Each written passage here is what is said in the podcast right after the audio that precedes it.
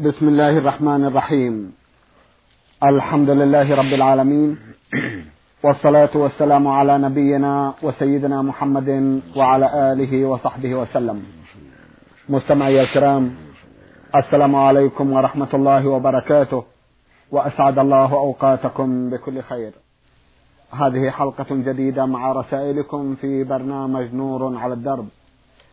رسائلكم في هذه الحلقة نعرضها على سماحة الشيخ عبد العزيز بن عبد الله بن باز الرئيس العام لإدارات البحوث العلمية والإفتاء والدعوة والإرشاد. مع مطلع هذه الحلقة نرحب بسماحة الشيخ ونشكر له تفضله بإجابة السادة المستمعين فأهلا وسهلا بالشيخ عبد العزيز. حياكم الله وبارك فيك. حياكم الله. أولى رسائل هذه الحلقة رسالة وصلت إلى البرنامج من المستمع محمد سعيد محمود. من الجمهورية العراقية وهو مصري الجنسية. أخونا بدأ رسالته بقوله السادة الأساتذة الكرام وعلماءنا ومعلمين الأفاضل في برنامج نور على الدرب. سلام الله عليكم ورحمته وبركاته. وبعد قرأت في كتاب يسمى بدائع الزهور في وقائع الدهور. لما دخل نبي الله يعقوب إلى مصر مشى العسكر بين يديه حتى وصل إلى قصر إنبة إلى قصر ابنة يوسف حيث كان وزير وعزيز مصر في ذلك الوقت. وعندما دخل القصر رفع يوسف أباه وخالته على سريره وأمر العسكر أن يسجدوا لهما. وكان ذلك عادة أهل مصر في التحية. فهل سجود التحية مباح في مثل هذه المواقف؟ أرجو من سيادتكم تفسيرا عن ذلك. حفظكم الله وزادكم من علمه ونفعنا بكم والمسلمين. آمين. بسم الله الرحمن الرحيم. الحمد لله وصلى الله وسلم على رسول الله وعلى آله وأصحابه ومن اهتدى بهداه. أما بعد فينبغي يعلم أن هذا الكتاب وهو بداية الزهور ليس من الكتب المعتمدة. بل هو حاطب ليل. يذكر الغث والسمين والصحيح والباطل فلا يعتمد عليه. وأخبار بني إسرائيل أخبار قديمة لا يعتمد عليها إلا ما ثبت عن الله أو عن رسوله محمد عليه الصلاة والسلام. ونص القرآن أن يوسف عليه الصلاة والسلام رفع أبويه على العرش. وهما أبوه وأمه لا خالته بل أبوه وأمه. لأن الله قال رفع أبويه على العرش وخروا له سجدا. وكانت السجدة ذاك الوقت مباحة للإكرام والتحية وليست للعبادة. وكما سجد الملائكة لآدم إكراما وتعظيما لا عبادة. فهذه السجدة ليست من باب العبادة ولكن من باب التحية والإكرام. وهي جائزة في شرع من قبلنا ولكن في شريعة محمد عليه الصلاة والسلام ممنوع ذلك. ولهذا ثبت عنه عليه الصلاة والسلام أنه قال لو كنت آمرا أحدا أن يسجد لأحد لأمرت المرأة أن تسجد لزوجها لعظم حقه عليها. وبين أن السجود لله سبحانه وتعالى فلا يسجد إلا, إلا لله وحده سبحانه وتعالى. وقال عز وجل في آخر سورة النجم فاسجدوا لله واعبدوا. وقال في سورة اقرأ فاسجد واقترب. فالسجود لله وحده. وشريعة محمد عليه الصلاة والسلام أكمل الشرائع وأتمها. فلا يجوز فيها السجود لغير الله لا تحية ولا عبادة. أما العبادة فلا, فلا تصح إلا لله وحده في جميع الشرائع.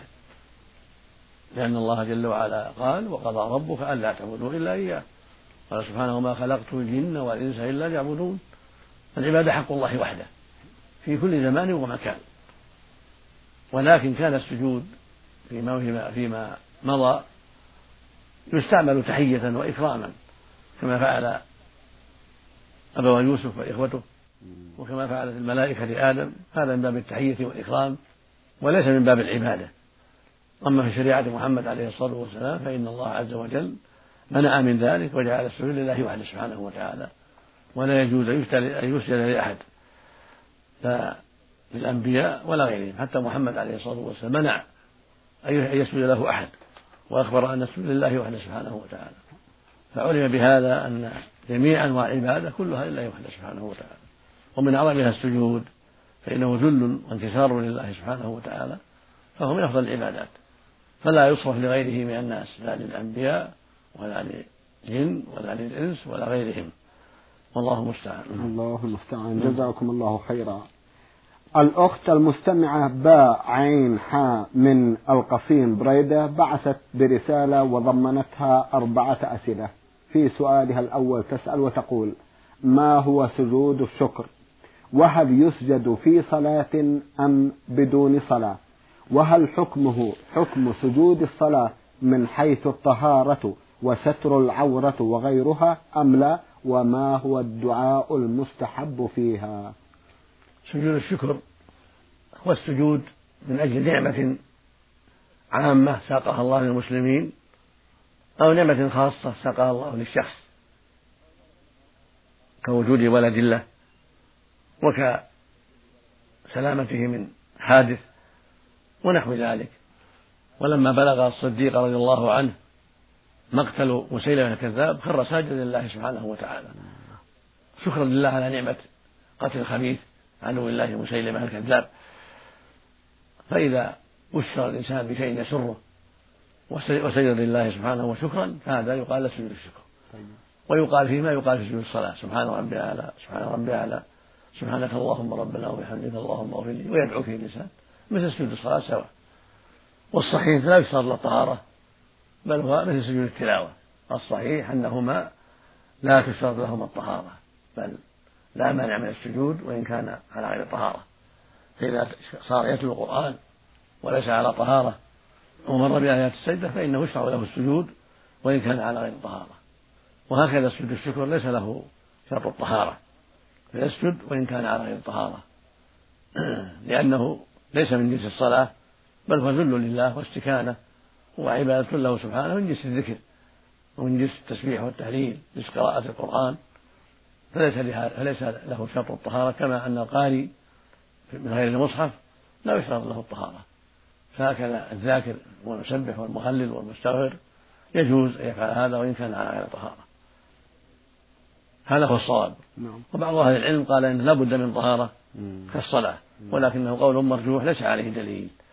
نعم. جزاكم الله خيرا.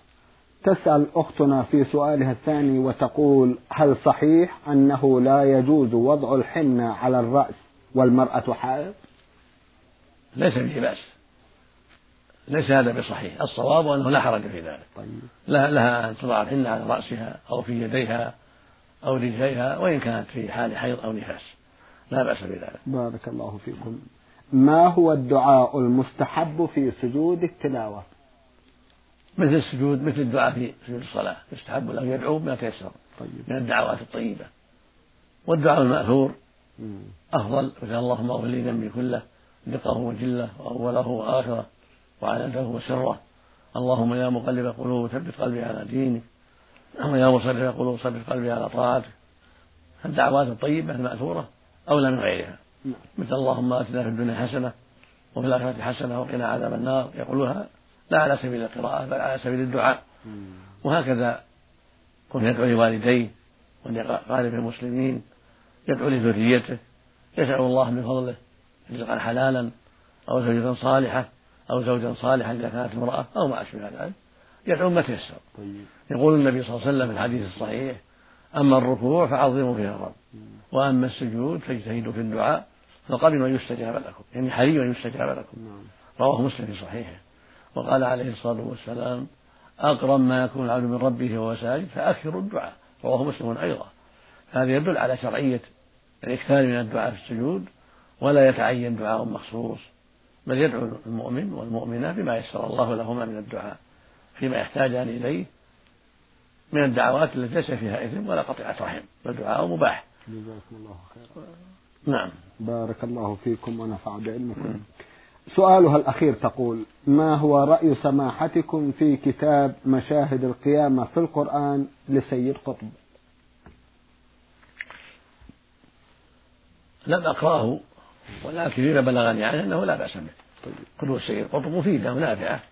وليس معناها أن ليس فيها خطأ. كل عالم له بعض الأخطاء والأغلاط لكن لم أقرأ الكتاب وهو فيما بلغني كتاب مفيد ومؤثر رحم الله مؤلفه. جزاكم الله خيرا. رسالة وصلت إلى البرنامج من دمشق وباعثها أحد الإخوة من هناك يقول محمد قاسم رزق. أخونا له مجموعة من الأسئلة في سؤاله الأول يسأل ويقول أنا شاب عمري ثلاث وعشرون سنة.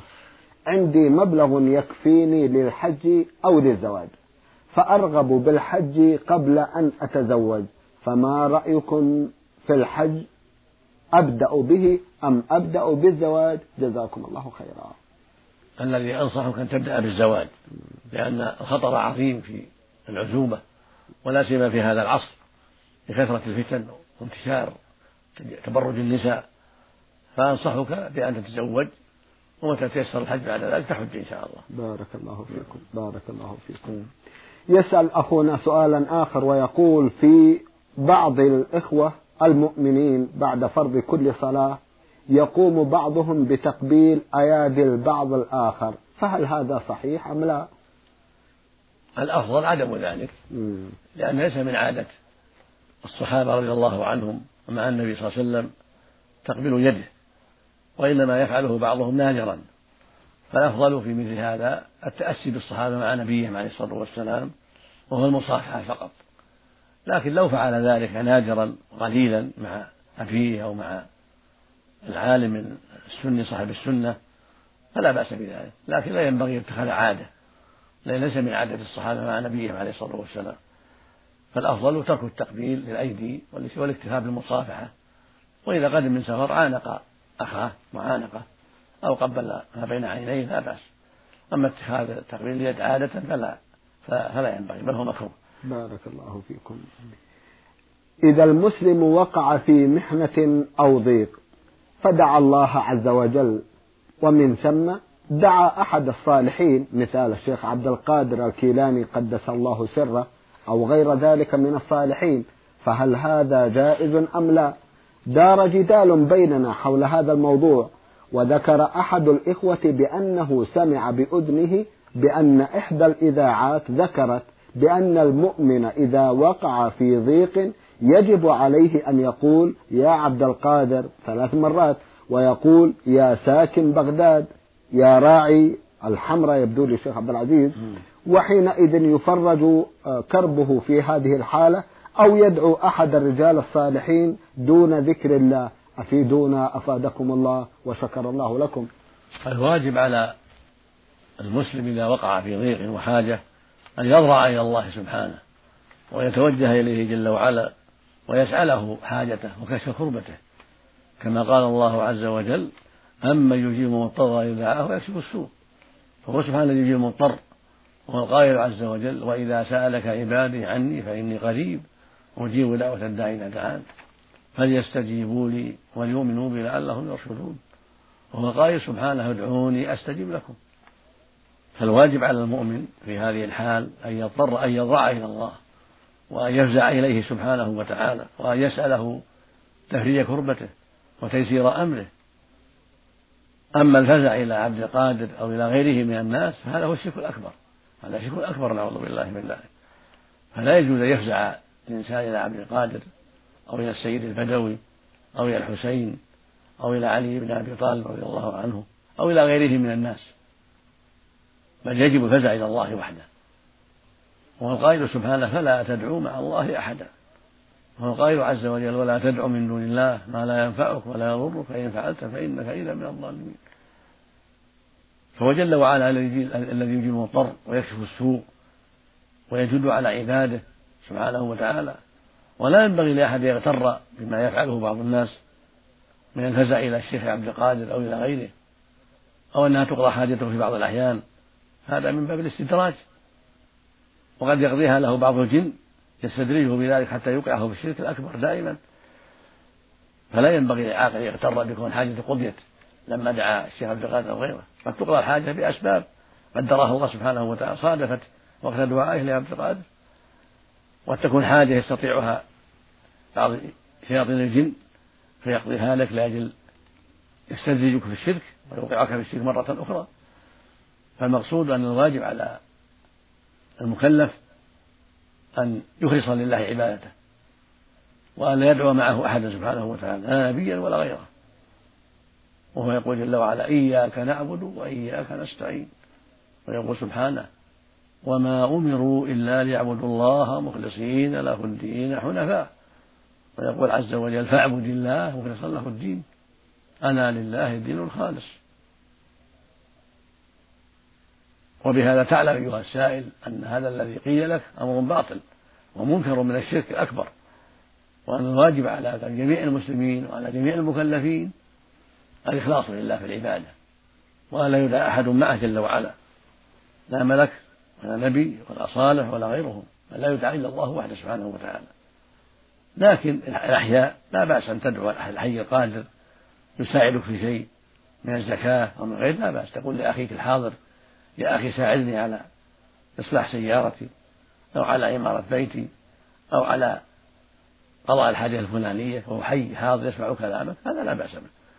كما قال الله عز وجل في قصة موسى فاستغاثه الذي من شيعته على الذي عدوه وكما هو معلوم بين المسلمين يتساعدون في أمور دنياهم وفي أمور دينهم والله يقول سبحانه وتعاون البر والتقوى ويقول ويقول النبي صلى الله عليه وسلم والله في عون العبد ما كان العبد في عون أخيه فالتعاون بين المسلمين فيما يقدرون عليه مشافهة أو من طريق الكتابة أو من طريق الهاتف تلفون أو من غيره من الطرق الحسية المعروفة. لا بأس بهذا هذا شيء معروف وجائز لأنه طلب من المخلوق ما يقدر عليه هو حي حاضر يسمع كلامه أو تكاتبه في ذلك من المكاتبة أو من طريق الهاتف ونحو ذلك. أما دعاء الأموات أو دعاء الغائبين من الملائكة والجن أو دعاء الأصنام والأشجار هذا الشرك الأكبر نسأل الله العافية والسلامة وهذا دين المشركين الأولين. دين أبي جهل وعتبة بن ربيعة وشيبة بن ربيعة وأبي لهب ونحوهم. هذا دينهم. فيعبدون الأنبياء والأولياء ويستغيثون بهم وينذرون لهم ويذبحون لهم. فكفرهم الله بهذا. وقاتلهم نبيه محمد عليه الصلاة والسلام حتى أسلم من أسلم منهم. حتى ظهر دين الله عز وجل. فالواجب على كل مكلف أن يخص ربه بالعبادة أينما كان. وأن يفزع إليه في جميع الشؤون وجميع الحاجات وجميع الكروبات دون كل ما سواه سبحانه وتعالى ولكن مثل ما تقدم لا بأس أن تستعين بأخيك الحاضر نعم. الحي نعم. تستعين به في مزرعتك تحط عمال في مزرعتك تستعين بهم في شؤونك تستعين بأبيك في حاجة في أخيك وهم أحياء يسمعون كلامك أو بالمكاتبة أو بالبرقية أو بالهاتف أو بالتلكس هذه أمور عادية غير داخلة في الشرك إذا صارت في أمور يقدر عليها المستعان فأما دعاء الأموات كالشيخ عبد القادر أو الشيخ البدوي أو الحسين أو علي رضي الله عنه أو الأنبياء أو غيرهم من الصالحين هذا لا يجوز هذا الشرك الأكبر. وهكذا دعاء الجن أو دعاء الملائكة أو دعاء الأصنام والأشجار والأحجار هذا هو الشرك الأكبر. هذا دين أهل الشرك. هذا الدين اللي بعث الله الرسل بإنكاره والتحذير منه. عليهم الصلاة والسلام. نعم. جزاكم الله خيرا. رسالة مطولة بعض الشيء بعثت بها إحدى الأخوات المستمعات تقول المرسلة سين ميم جيم من مكة. أختنا سأقرأ رسالتها كما وردت. بسم الله الرحمن الرحيم. الحمد لله رب العالمين والصلاة والسلام على أشرف المرسلين سيدنا محمد صلى الله عليه وسلم وعلى آله وصحبه أجمعين والتابعين ومن تبعهم بإحسان إلى يوم الدين. سماحة الشيخ عبد العزيز بن عبد الله بن باز حفظه الله. السلام عليكم ورحمة الله وبركاته. وبعد أرجو من سماحتكم أن توجهوا كلمة لهذه الإنسانة البائسة الحزينة تصبرونها بها وترفعون من معنوياتها حيث أنها ستموت قهرا وحسرة وألما مما حدث معها. تزوجت أو تزوجت من رجل اختارته لأنه يماثلها في المستوى الثقافي والاجتماعي. فهي جامعية وهو جامعي. جاءت به محرما معها للعمل بالتدريس بالمملكة. واستمر زواجها سنة وتسعة أشهر. عاشت معه سنة عند أهله حيث كان خجلا لا ينكشف عليها. وإذا أراد معاشرتها لا تلحظ منه شيئا وهي لا تدري ما السبب. ثم اتضح فيما بعد أنه مخصي ولذا كان يخفي حقيقة أمره عنها وهي تنوه إلى أنه كان متزوجا قبلها بامرأة أيضا وانفصلت عنه ولكن في الزواج الثاني نجح في اصطياد فريسته بالتضليل والغش والخداع فعمل احتياطاته كي تعيش معه الثانية دون أن تلحظ ما به. ولكن لسوء حظه انكشف أمره في الفندق حينما كان يجهزان للسفر للمملكة ففكرت أن ترجع لأهلها وتبلغهم بذلك وتنفصل عنه ولكنها عدلت عن تلك الفكرة حيث أنها اعتقدت أن ذلك قد يتطلب منها إرجاع ما خسره عليها من تكاليف الزواج. واستمرت في رحلتها للمملكة واستمرت معه التسعة أشهر الأخيرة. ثم في انتهاء العطلة الدراسية رفعت الدعوة للقاضي الذي فصل بينهما وأرجع للزوج منها عشرة آلاف ريال. وهي تتساءل وتقول هل من الممكن أن نشجع الغش والخداع مع مثل هؤلاء؟ فنعطيهم أيضا مكافأة غشهم وخداعهم. لقد قال رسول الله صلى الله عليه وسلم من غشنا فليس منا. وهو لم يخادعها ويغشها وهو لو لم يخادعها ويغشها لعاشت معه حتى لو لم ينجب الأولاد. ولكن لأنه خدعها وغشها فقد تركته غير آسفة عليه. ولكن ما قهرها هو دفعها للعشرة آلاف ريال. إنها تحس بالظلم في تلك القضية. ومثل هذا الحكم سيشجعه على الزواج من الثالثة والرابعة والخامسة إلى آخر. دون أن يصارحها بحقيقة أمره طالما أنه يضمن إرجاع المهر له. والعجيب في ذلك الغش أنه قد يذهب بالمرأة في متاهات مثل ما حدث مع الثانية التي كانت تعتقد أن إعاقة الحمل منها فقررت بها فغررت بها أمه وذهبت بها للأطباء. وادعى طبيب منهم أنه لا بد من إجراء عملية جراحية للمرأة. وفعلا عملها لها الطبيب وهو ساكت ولم يقل الحقيقة. وأمه أيضا تعرف ولكن لا تريد أن تثبت على ابنها شيئا. فما رأي سماحتكم في تلك القضية؟ وماذا تقولون لهذه المظلومة؟ وماذا تقولون لأمثال هؤلاء الشبان الذين لا يصارحون زوجاتهم؟ وفقكم الله. والسلام عليكم ورحمة الله وبركاته. لا ريب أن الخداع والغش من المحرمات المعلومة من الإسلام بالأدلة الصحيحة وبالضرورة الرسول عليه الصلاة والسلام قال من غشنا فليس منا. والله يقول جل وعلا يا أيها الذين آمنوا لا تخونوا الله والرسول وتخونوا أماناتكم وأنتم تعلمون. فالواجب على الخاطب أن يبين الحقيقة وأن لا يكتم عن المخطوبة ما هو عيب مثل هذا الحادث. بل يشرح لها الحقيقة حتى تكون على بينة. إذا كان به عيب الخصية أو عيب آخر وهو كونه لا يأتي النساء من أجل مرض آخر وعلة أخرى أو كونه يصرع أو ما أشبه ذلك من العيوب المعروفة. الواجب عليه أن يبين للمرأة الحقيقة. فإذا لم يبين فلها الخيار لها الخيار وليس وليس له حق في المهر. بل إذا دخل بها خلا بها فلها المهر كله. وهو الظالم فليس له حق في ذلك. لكن هذه دعوة منك ما نستطيع أن نحكم عليها. والقاضي الذي حكم بينكما نرجو أنه وفق للصواب ولا ندري ما ما هو الشيء الذي اعتمد عليه في إلزامك بالمبلغ الذي ذكرت. فالذي أطمئنك به أن أنه ينبغي لك الصبر وعدم الاكتراث بهذا الشيء واحمد الله الذي خلصك منه والقاضي قد يكون له اجتهاد في ذلك وقد رأى منك ما يقتضي ذلك فالحاصل أنصحك بأن تسلي نفسك عن هذا الشيء وتصبري وتحتسبي وتسأل الله للقاضي بالعفو عما حصل إذا كان أخطأ في حكمه وما عند الله خير وأبقى. وسوف يعوضك الله يعوضك الله سبحانه إن شاء الله عن هذا. خيرا منه. اللهم فهو جل وعلا الحكيم العليم والمظلوم ينتظر النصر وما ذهب من المؤمن بغير وجه شرعي. فالله يخلفه عليه سبحانه وتعالى ويعوضه خيرا فضلا منه وإحسانا سبحانه وتعالى. ومن يتق الله يجعل له مخرجا ومن يتق الله يجعل له من يسرا فاصبري واحتسبي واسأل الله العوض العوض من عنده سبحانه وتعالى. وأن يهبك زوجا صالحا خيرا منه. والمال أمره سهل. نعم. الله المستعان. الله المستعان. جزاكم الله خيرا. رسالة وصلت. خطها شبيه بالرسالة الأولى. والقضية قريبة منها إلا أنها من مكة. والتوقيع هو نفس التوقيع فيما يبدو لي. المرسلة سين ميم جيم.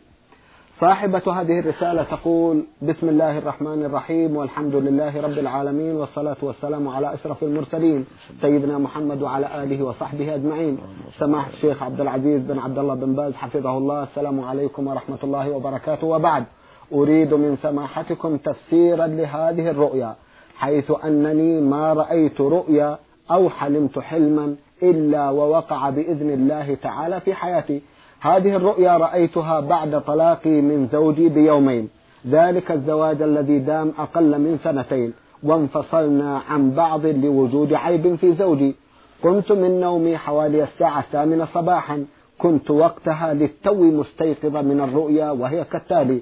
رأيت هلالا في السماء كالهلال الذي يكون في الخمسة الأيام الأولى من بداية الشهر. وكنت